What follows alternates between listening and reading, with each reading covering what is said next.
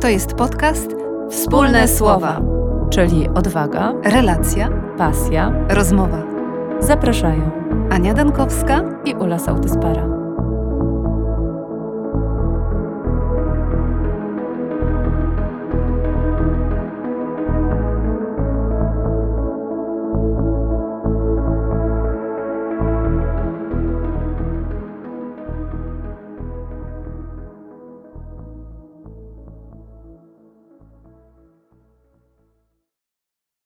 Witamy.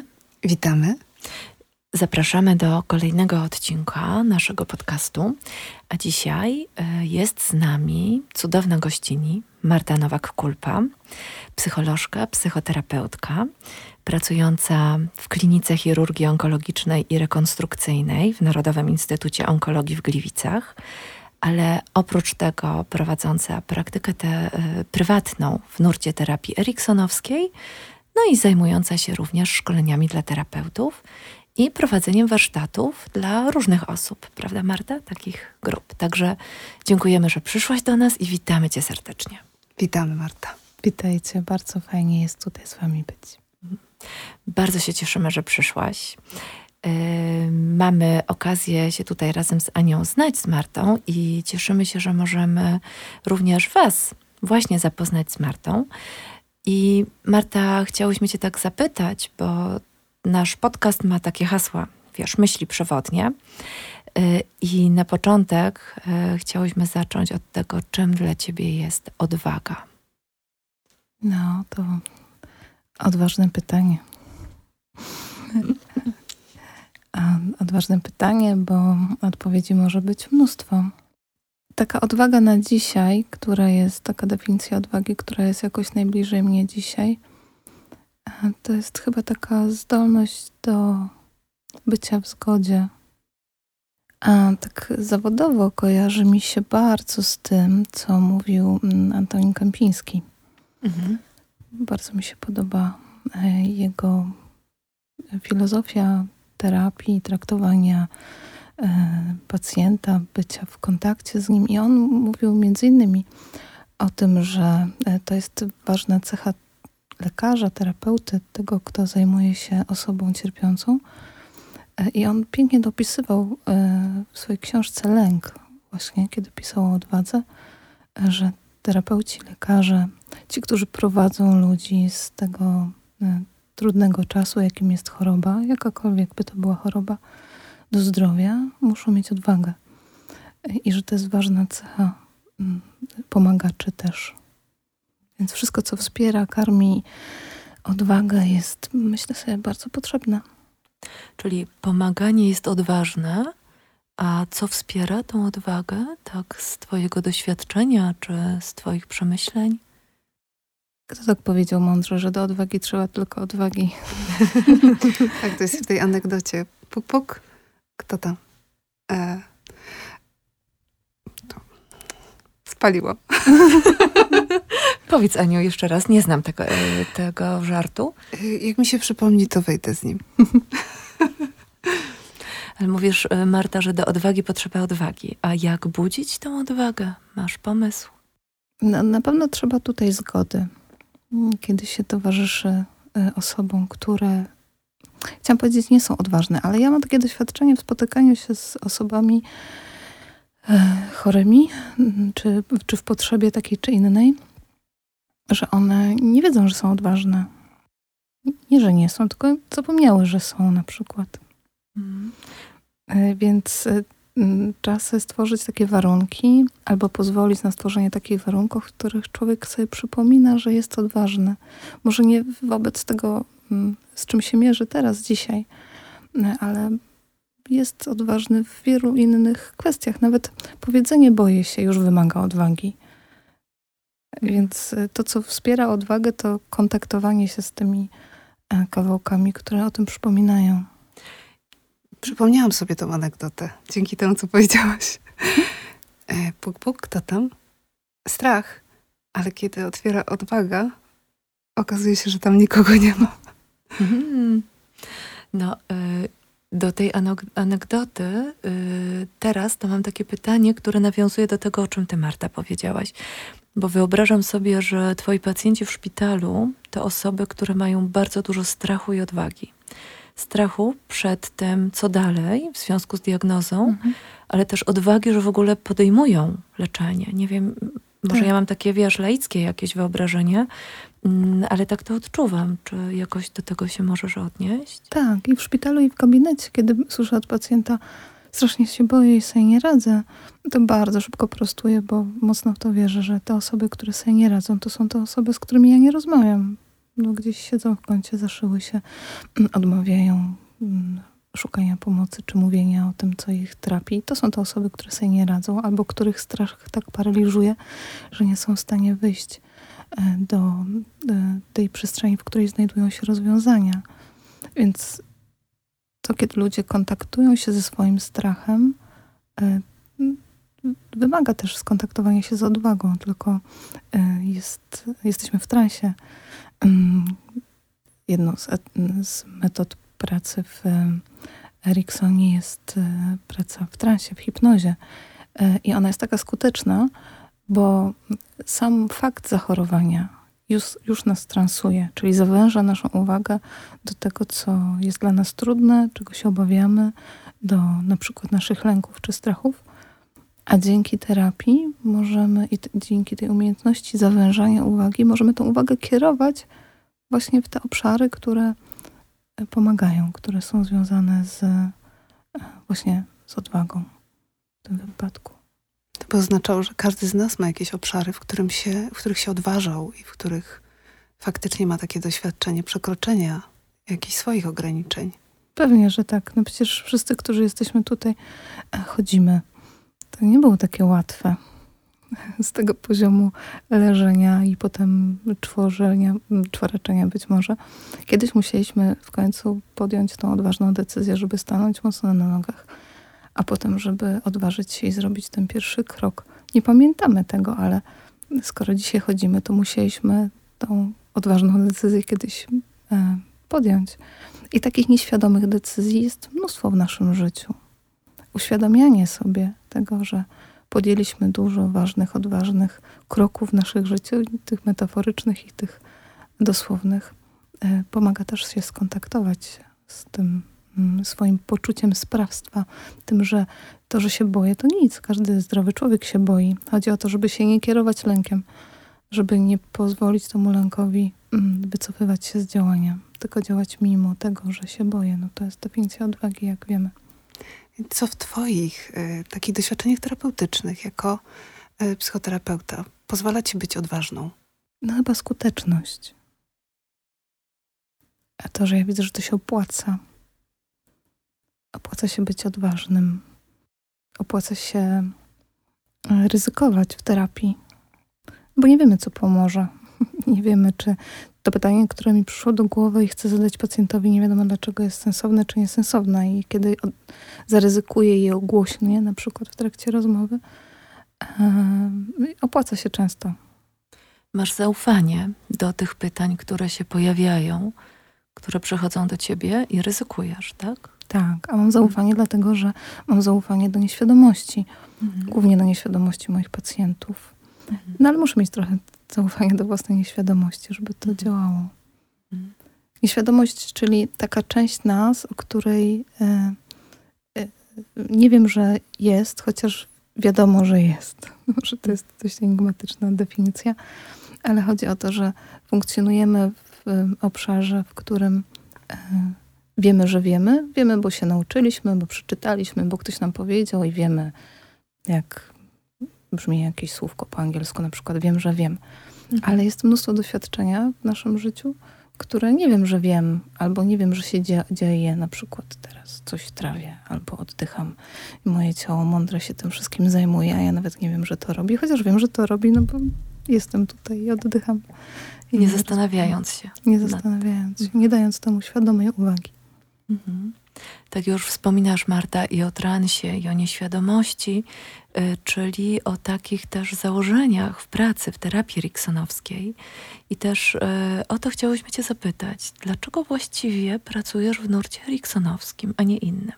Czy masz na to jakąś odpowiedź dla siebie? Nie. jak to się stało? Wiesz, no, nie ma przypadków. Jasne, więc, że nie ma. Więc jak to się stało, że wybrałaś ten nurt, albo ten nurt wybrał ciebie i może to się wydarzyło nieświadomie. No ale świadomie w tym pozostałaś. Więc wiesz, co sprawia, że pracujesz tak, a nie inaczej? Mhm. Ja się śmieję, że nie wiem, bo to jest właśnie bardzo nieuświadomiony proces, chociaż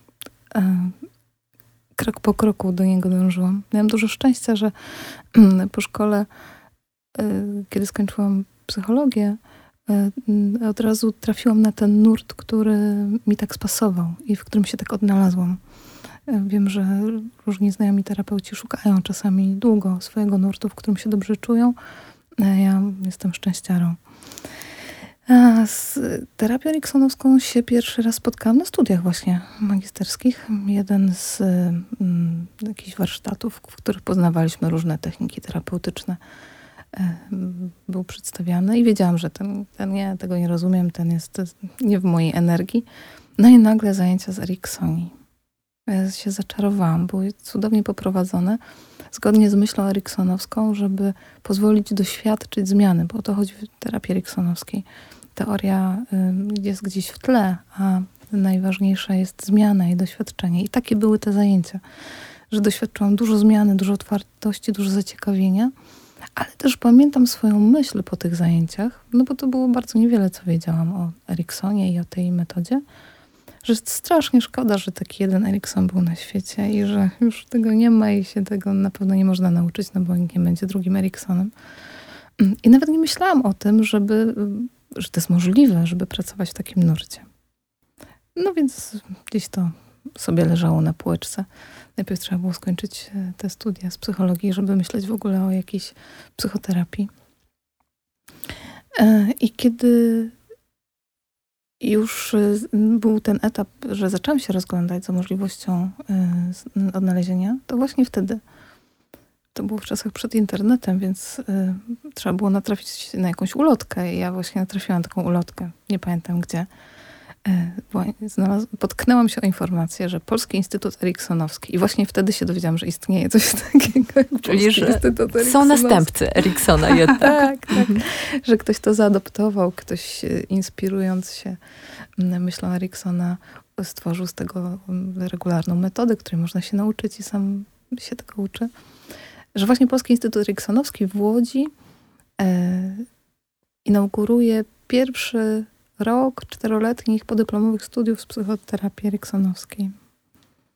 No więc tadam, tak Tadam. to się zaczęło. Mhm.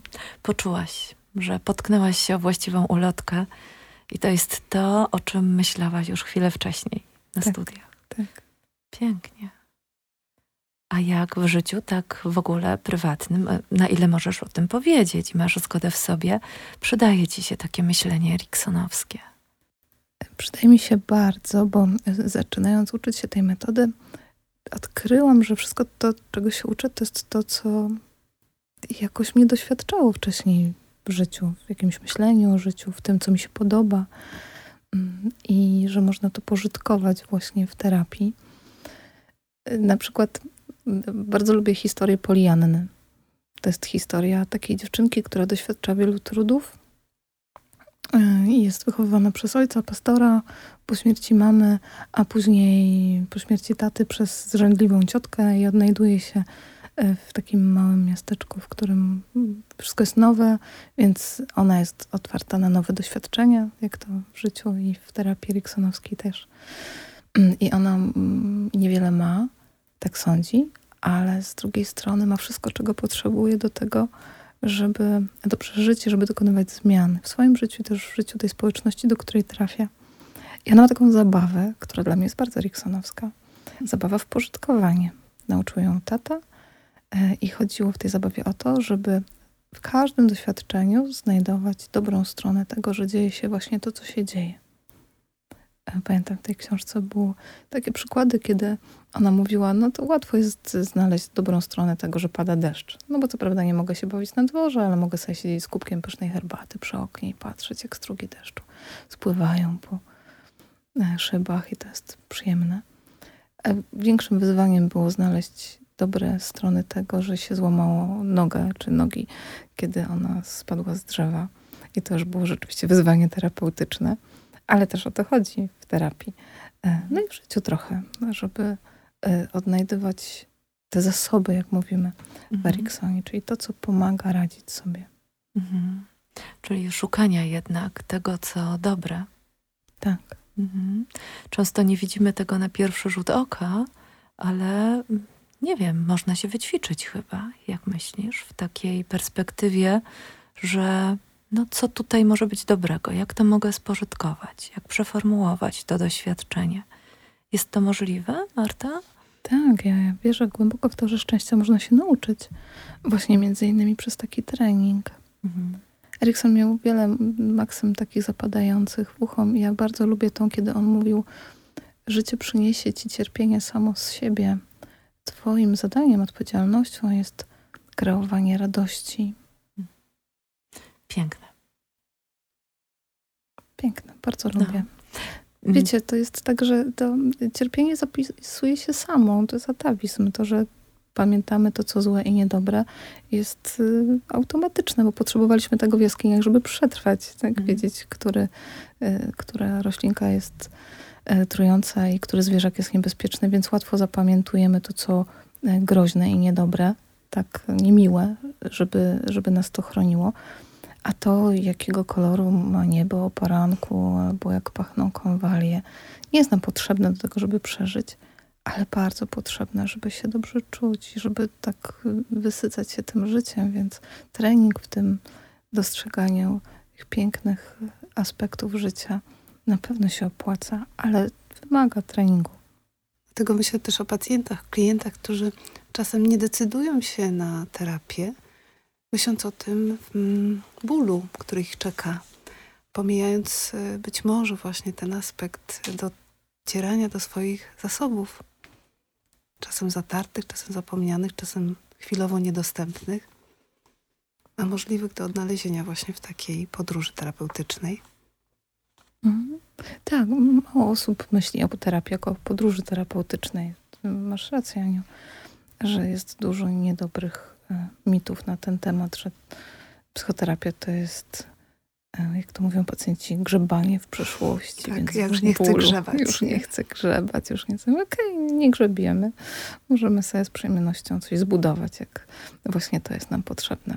Grzebanie jest przereklamowane, jak dla mnie. Y, Dla mnie terapia eriksonowska przede wszystkim ma ten aspekt przyjemności związany z pracą z opowieściami, z metaforami. Y, Ja nie wspomniałam na początku, że przecież, bardzo przepraszam cię Marta, że przecież ty masz swoją stronę, gdzie publikujesz swoje opowieści. Bo to, To jest- tajemnica. Tajemnica, a to teraz ją upublicznimy. upublicznimy. Y, Właśnie tak, opowieści terapeutyczne. Tam są opowieści Marty. No i nie wiem jak dla ciebie, y, no przypuszczam, że też lubisz pracować z opowieściami, ale masz takie wrażenie, że to tak dla pacjentów też działa odbarczająco trochę, właśnie z tego wysiłku i napięcia, że no nie grzebiemy tak z tą motyką, tylko no słucham, wchodzę w pewien trans i o rany, coś mi przychodzi do głowy. Tak, trochę samo się znajduje to rozwiązanie, chociaż wcale nie samo, ale z taką lekkością, jak mówisz, Ula. Mhm. Mm. Tak y, powstała właśnie z, ta strona, o której mówisz. Y, Na początku, m, kiedy świat się zamknął z powodu wydarzeń m, pandemicznych i pacjenci byli w dużej biedzie m, i z jednej strony potrzebowali terapii tym bardziej, bo poziom lęku w nich narastał, a, a nie wiedzieli, że mogą, albo bali się przyjść na terapię do gabinetu, to y, ci pacjenci, którzy znają ten kojący stan, który się pojawia w trakcie słuchania opowieści terapeutycznej, poprosili mnie, jedna pacjentka poprosiła mnie, czy ona by mogła taką opowieść dostać, dopóki nie wróci do gabinetu, czy ja bym mogła jej taką nagrać. No i szukając sposobu, jak to zrobić jakoś technicznie łatwo, to, to rzeczywiście jej to nagrałam i gdzieś tam rzuciłam na YouTube, a ona powiedziała, to ja jeszcze dam komuś i jeszcze się podzielę, bo to pomaga. E, No i tak to się rozrosło do, do kilku opowieści i, i do takiego stanu. I, I ja dostaję bardzo dużo informacji zwrotnych od ludzi, którzy odpowiadają na twoje pytania, Ula, czy to działa. E, Działa, bo słuchanie opowieści poza słucha- wsłuchiwaniem się w treść ma jeszcze taką korzyść, że można się zatrzymać. Właściwie trzeba się zatrzymać. Nie da się posłuchać takiej opowieści terapeutycznej, prowadząc samochód albo e, robiąc jakąś inną, e, wymagającą skupienia czynność. Trzeba się zatrzymać, odetchnąć, dać sobie czas, pobyć bardzo blisko siebie.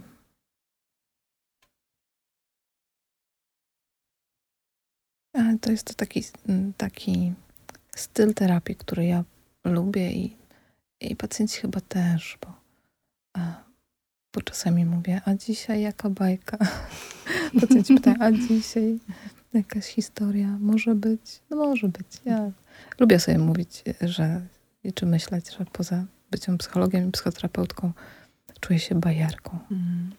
Tak, to się chyba rodzi z prawdziwej pasji w tobie, Marta. Przechodzimy do kolejnego naszego właściwie hasła, A, Aniu. pas- Pasja. Tak, tak, że wydaje się, że tych opowieści masz w swojej skrzynce e, całkiem sporo. Aha. Ale też z wielkiej miłości do opowieści. Mm. Chyba tak, chyba pasja się y, była poprzedzona mm, przyjemnością i, i miłością. No i na pewno się rozwinęła wtedy, kiedy mm, zostałam zaproszona do jeszcze częstszego opowiadania historii i bajek, kiedy zostałam mamą. To, to jest taki trening, który mi się przydaje też w bajaniu. Mhm. Bo bajki tak naprawdę mało są dla dzieci. Są głównie dla dorosłych. Tak powstawały te opowieści terapeutyczne. E, Lubię sobie myśleć o tych pierwszych psychoterapiach, kiedy ludzie siadali przy ognisku w kręgu i snuli historie, które miały moc zmieniania czy kierunkowania w tą stronę, która e, służyła. Mm. I e, one są bardzo późno zostały zaadaptowane dla dzieci, no ale dzisiaj dzieci wiedzą, że mogą chcieć bajkę i, i to też jest dobry pretekst. Mm. Te rozmowy przy ognisku, o których mówisz, no wtedy oczywiście nie nazywały się terapiami, ale oprócz opowieści chyba samo spotkanie, czyli ten wątek Mhm. rozmowy też był leczący, y, że była uważność na siebie, było to zatrzymanie przy ogniu albo i nie przy ogniu i zasłuchanie się i bycie wy, no nie? Że to Tak. taki z kolei ym, wątek y, kolejnych naszych haseł, czyli rozmowa i relacja. I też chciałabym się ciebie zapytać, co to dla ciebie, Marta, znaczy dobra relacja. Relacja, Mhm. tak? To to cokolwiek ci się uruchamia, nie? W Mhm. którąkolwiek stronę. Mhm. No To pierwszą myśl, jaką mam, kiedy cię słucham, Ula, jest e, takie powiedzenie e, no correction without connection. Że mm, najpierw musi być połączenie, najpierw musi być spotkanie.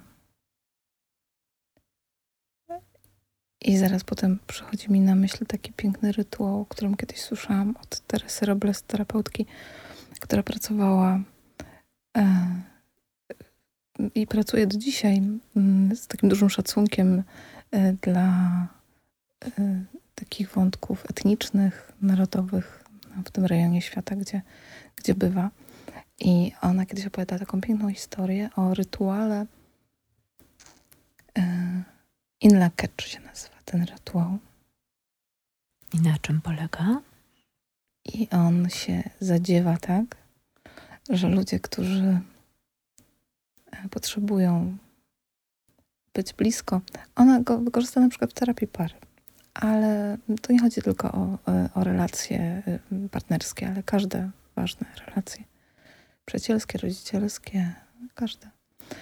E, To ten rytuał in la catch polega na tym, że ludzie siadają vis-a-vis siebie bardzo blisko, patrząc sobie w oczy i muszą być na tyle blisko siebie, żeby dojrzeć się w odbiciu e, w oczach Robimy Ula.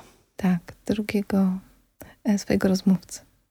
Tak? Czyli, Nie wiem, czy nasze okulary tu nie Mhm. przeszkadzają. Tak, trzeba by ci zdjąć. tak, zob- zobaczcie, to jest ten moment, Mhm. kiedy się e, patrzy na siebie, synchronizuje się swoje oddechy i dostrzega się siebie samą w odbiciu drugiej osoby. I kiedy pozwala się pobyć w takim kontakcie ze sobą w drugiej osobie. To jest. Teresa pięknie opowiadała o tym doświadczeniu. Jestem przez chwilę w tobie, kiedy patrzę w twoje oczy. Mogę się pojawić uśmiech, tak. Tak. No zaiste w, w tobie jeszcze widziałam się podwójnie w jednym oku i w drugim oku, w jednej źrenicy i w drugiej Mhm. źrenicy. Mhm. No, na pewno wymaga to warunków, wiecie. Tak, tak, teraz- przestrzeni. Była próba. Mhm. Mhm. Ale to jest taki rytuał, który ba- bardzo mi się kojarzy z byciem w relacji. Mhm. czyli byciem w, w drugim człowieku. No wiecie, te osoby, z którymi mamy bliskie relacje, to są te osoby, które nosimy w sobie, które wywołują jakieś nasze reakcje emocjonalne, które, o których myślimy, e, z którymi jesteśmy czasami w fizycznym kontakcie. Eichelberger zdaje się na mm, swoich szkoleniach warsztatowych, spotkaniach mm, prosi uczestników, aby umieścili dłoń na sercu osoby e, znajdującej się obok. I e, wypowiedzieli w myślach lub na głos do siebie nawzajem, wskazując na tą osobę i jej serce. To jestem ja, a ty jesteś tu, we mnie, w moim sercu. Mhm. Czyli też to, to połączenie, szukanie połączeń. W oczach, w sercu, w oddechu, w dostrojeniu, budowanie poczucia bezpieczeństwa na takim bardzo pierwotnym, bazowym. Mhm. I to będzie tak, żeby iść też za tym, od czego y, wyszłaś, y, Marta, w tej odpowiedzi, takim wstępem do tego, żeby budować relacje, tak? Czy żeby się zanurzyć w relacji. Ja myślę, że ona wtedy się właśnie buduje. Wtedy się To buduje. Wtedy, Mhm. wtedy się zadziewa. Mhm, Więc czyli co, co by to no. było, to correction, bo tak też. Mhm. Czyli zmiana. Mhm. Mhm. Bo relacje nas zmieniają. Oj, niebezpiecznie, tak. Tak, tak, zmieniają nas Nie, relacje. nie, bezpowrotnie czasem. E, tak, tak. No i czasami na szczęście No tak. wiele osób mówi, że tak, to, to cudowna zmiana. Tak, e, jak się mówi, to jedna z definicji miłości jest, czy mm, kochania, że przy tobie staję się lepszym człowiekiem, przy tobie jestem kimś lepszym, zmieniam się ta- w taką stronę, która mm, mnie buduje, ale też buduje świat i, i nas wszystkich dookoła, skoro jesteśmy połączeni. No ale są też takie relacje, które nas zmieniają w sposób, którego nie chcemy. I to też się dzieje. I ta uważność jest bardzo, bardzo potrzebna, żeby nie było tego połączenia z osobami, których, mm, z którymi kontakt nas zmienia w sposób, który nie jest dla nas korzystny. Nauka Mhm. tego też jest ważnym elementem e, Mhm. terapii często. Y, Wtedy terapia polega na uwolnieniu się od obciążającej relacji, prawda? Kiedy jest taka relacja, która nie służy i która powoduje tą zmianę destrukcyjną. Tak. Ja mam takie doświadczenie, że to jest y, trudne bardzo, niejednokrotnie, żeby się uwolnić, odciąć. Tak, no bo to są em, te zmiany, które wywołują w nas, e, te, te em, relacje, które wywołują w nas zmiany, to są zawsze ważne relacje i silne. Dlatego e, uwalnianie się, jak mówisz, jest, e, jest też czasami długim procesem Mhm. I wymaga odwagi, o której mówiłyśmy wcześniej. Wszystko się łączy. Wszystko się łączy. Czy możesz jeszcze wskazać jakąś książkę, która ciebie jakoś tutaj mm, inspirowała w tych twoich poszukiwaniach terapeutycznych? Tak, tak, tak. To jest łatwe pytanie. Mhm. bo jest jedna pierwsza i najbardziej inspirująca książka. Czasami pacjenci mówią, mogłaby Pani polecić jakiś podręcznik, jakiś coś, co, co, co, co mi pomoże? I ja zawsze odpowiadam to samo i oni mi nie wierzą, ale to naprawdę tak jest, że to są właśnie braci Grimm. Mhm. Dlaczego właśnie baśnie? A bracia Grimm zrobili świetną robotę, naprawdę, bo oni nie wymyślili tych historii, tylko je zebrali z tej tradycji ustnej, czyli zadali sobie mnóstwo trudu do tego, żeby wysłuchać wielu, wielu opowieści, które zostały przekazywane z pokolenia na pokolenie przez wiele, wiele lat z jakiegoś ważnego powodu. I oni je wszystkie, które usłyszeli, nie wszystkie na świecie, wszystkie, które usłyszeli, spisali w y, taki zbiór y, opowieści, które dla mnie są nieustającą inspiracją. To są baśnie, to jest przykład baśni dla dorosłych, zdecydowanie. Jest bardzo mało opowieści czy bajek dla dzieci, zwłaszcza w tych pierwszych nieocenzurowanych wersjach, Mhm. które y, nie obiecują nam życie lekkie, łatwe i przyjemne w wersji instant, że szybko i prosto, tylko autentycznie, tak jak się to dzieje w swoim tempie, z z ceną, którą trzeba zapłacić za, za zmiany i za to, co się chce. Mm. Ale na pewno są ważną książką dla mnie. Więc w tym sensie te baśnie też odmieniają, że spotkanie z tą historią, opowieścią może mnie e, odmienić, mieć na mnie duży wpływ. Tak, bo kieruję uwagę w to miejsce, którego wcześniej nie dostrzegałam. Na przykład macie takie doświadczenie, że y, czytacie książkę po latach i mówicie, co mi się nie podobało, albo czemu jej nie lubiłam. Tak jest, bo kierujemy uwagę na te aspekty, które wcześniej nie były ważne, albo które nie, nas nie poruszały. A po latach przez różnego rodzaju doświadczenia mamy e, możliwość dostrzegania e, tych innych aspektów. Albo wyrastamy już z czegoś, jest za nami Mhm. właśnie, no nie? Tak. Ja myślę, że to i dotyczy opowieści czytanych, ale też nawet filmów. Kiedy się identyfikujemy z kimś i możemy y, przepracować, y, przepracować własne różne trudności, dzięki temu, że obserwujemy, czy włączamy się w to, jak robi to ktoś inny. I całkiem niedawno y, odkryłyśmy z Ulą, że mamy swój ulubiony film sprzed lat. Zdaje się, że może tam sprzed dwudziestu kilku lat. Ponad 20 jak nic. Julio Medema, y, Kochankowie z kręgu polarnego. Zbieg okoliczności był w rozmowie. Całkowity. Nie znałyśmy się wówczas. No. To się nazywa proces nieświadomy. Tak, i odkryliśmy, że, że ten film o miłości zrobił na nas ogromne wrażenie. Faktycznie można się przejrzeć w każdej z tych postaci. Mhm. Ja bym chętnie chciała sobie ten film właśnie powtórzyć w Mhm. kontekście tego, o czym też ty, Marta, mówiłaś. Bo ja pamiętam swoje emocje, kiedy Mhm. oglądałam ten film, ale to było ponad 20 lat temu. Więc możliwe, że teraz odbierałabym go już inaczej. Mm. To, co chciałabym Cię jeszcze zapytać, to warsztaty, warsztaty wyjazdowe, które się odbywają. O bajaniu. Jaka jest formuła, jaka jest intencja też? Do czego, kogo zapraszasz? Mhm. Miałam przyjemność prowadzić kilkakrotnie takie warsztaty e, dla różnych osób. Wiem, że o taką umiejętności bajania, snucia opowieści pytają często psychoterapeuci, nie tylko eriksonowscy, bo w konwencji terapii eriksonowskiej to, to tak się baja po prostu, to jest część tej pracy, kiedy snuje się historię. E, I można się tego uczyć i, i ćwiczyć, i trenować. Ale też terapeuci innych modalności wiem, że sięgają po tą formułę, bo ona jest bezpieczna, dlatego że ym, pacjent usłyszy to, co chce usłyszeć, to na co jest gotowy.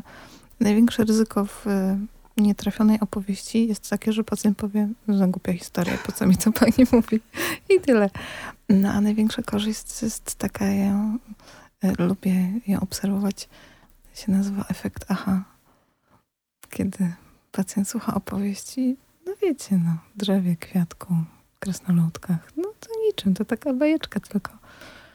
Tak się zatrzyma i zwalnia oddech i mówi, no tak, no tak, wiem, czemu mi pani to mówi. E, I takich opowieści mm, e, e, uczę na warsztatach, o których mówisz, Aniu. Były też takie warsztaty dla nieterapeutów, e, tylko dla tych, którzy chcą bajać. I słuchajcie, przyszły na te warsztaty babcie, nauczycielki, mamy. E, Głównie kobiety e, lubią te historie pleść z różnych powodów. Mm, I to był bardzo, bardzo, bardzo dobry, mm, e, dobry czas na to, żeby wymieniać się historiami, żeby je budować razem. A te warsztaty, o których pytasz, to pewnie te, co się mają odbyć mm, e, nad morzem.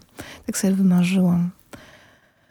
Ach, wiecie, w tych trudnych czasach, kiedy tak potrzeba przestrzeni, otwarcia, zwłaszcza po tych wielu miesiącach zamknięcia e, z różnych powodów, byliśmy pozamykani w sobie, w swoich mieszkaniach, w różnych ograniczeniach.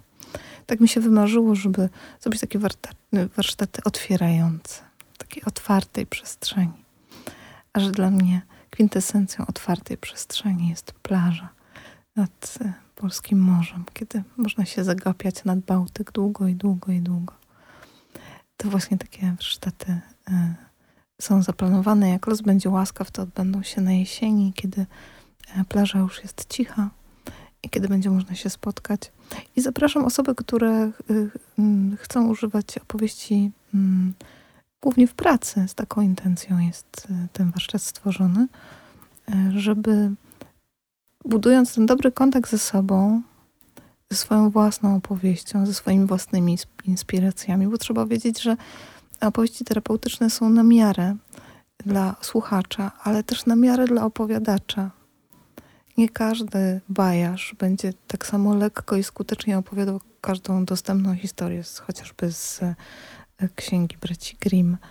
Myślę sobie, że tylu ilu terapeutów, tyle ilu bajarzy, tylu mm, może znaleźć jakąś swoją właśnie wyjątkową opowieść, która niesie ten przekaz, który ma być zaniesiony i y, ma inspirować do tej zmiany terapeutycznej.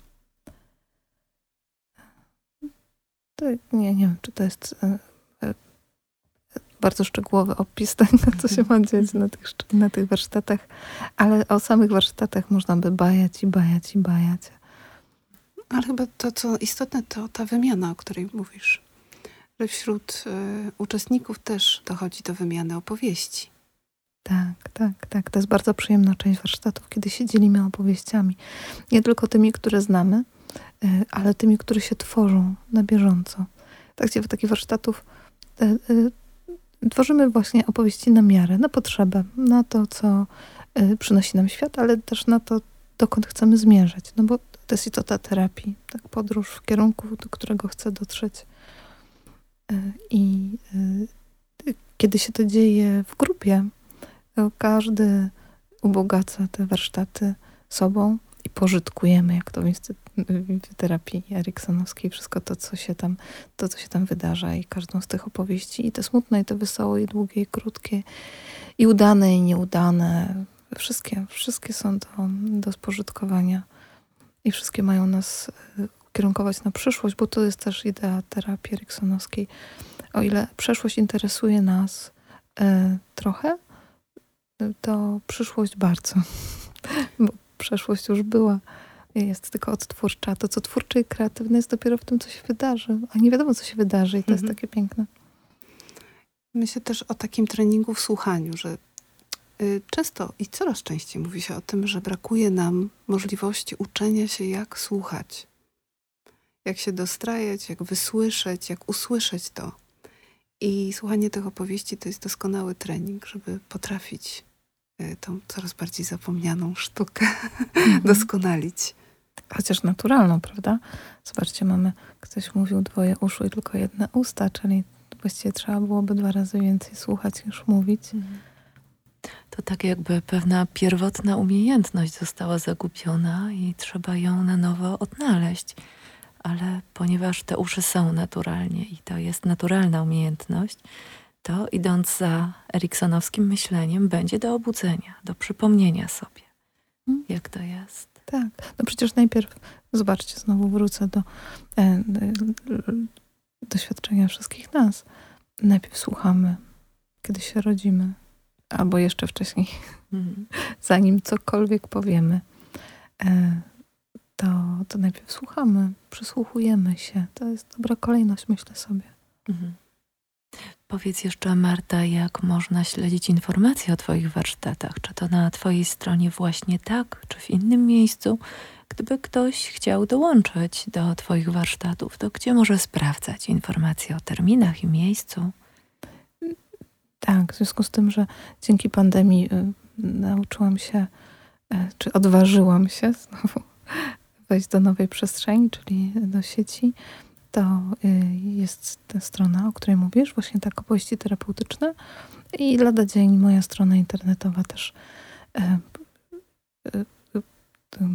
mężczyzna, który się tym zajmuje, bardzo sprawnie e, mówi, że, że to będzie lata dzień. I tam też będą informacje na bieżąco. Co... Świetnie. To link umieścimy w opisie pod tym nagraniem również. I to już przestanie być tajemnicą. Już nie będzie tajemnicą, nie, nie. Świetnie. Czy chciałabyś jeszcze coś na koniec y, do naszych słuchaczy? Ach, jakbym ich chętnie posłuchała. tak myślałam. Chętnie No. niż powiedziała. Wiecie, mogę powiedzieć coś, ale. E,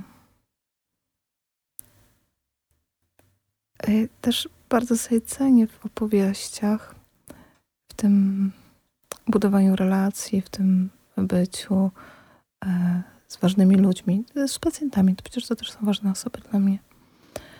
E, te momenty, kiedy się nie mówi, tego na antenie nie widać. Trudno jest to dodać to w, nagraniu. No, chyba e, radio i podcasty nie lubią ciszy. I to jest też fajne, że są takie przestrzenie, gdzie ta mowa ma wybrzmiewać, bo to jest czas i miejsce. E, ale jak mam coś powiedzieć, to, to może to, że by zostawiać też tą przestrzeń na niemówienie, na wsłuchiwanie się w ciszę. To bardzo, bardzo kojące. To jest też to, co mi się e, zadziewa tam na tej plaży, w tej otwartej przestrzeni. A jeśli macie okazję bywać w takich przestrzeniach, jak lubicie nad morzem, jak lubicie w górach, jak lubicie a, na łące za blokiem, tam gdzie przez chwilę można się nie odzywać i pobyć i wsłuchać, to bardzo, bardzo polecam. Pięknie. Ja się rozmarzyłam. tak, zasłuchałam się. Mm, No, to też tak dla równowagi chyba jest ważny ten balans między ciszą a dźwiękiem, między rozmową a wsłuchaniem się w siebie. Że to tak, e, no. Dzięki, Marta. Bardzo Ci dziękuję, że w ogóle przyszłaś do nas, zgodziłaś się na to spotkanie i dziękuję za tą rozmowę z Tobą dzisiaj. Również dziękuję. To była prawdziwa przyjemność. Dziękuję. Przepysznie było. Bardzo Wam dziękuję. Dziękuję za to spotkanie i tak czuję, że to nie jest ostatnia przestrzeń, w której się będziemy spotykać. Do zobaczenia zatem. Do zobaczenia, Marta. Dziękujemy wszystkim. I do usłyszenia. Do usłyszenia.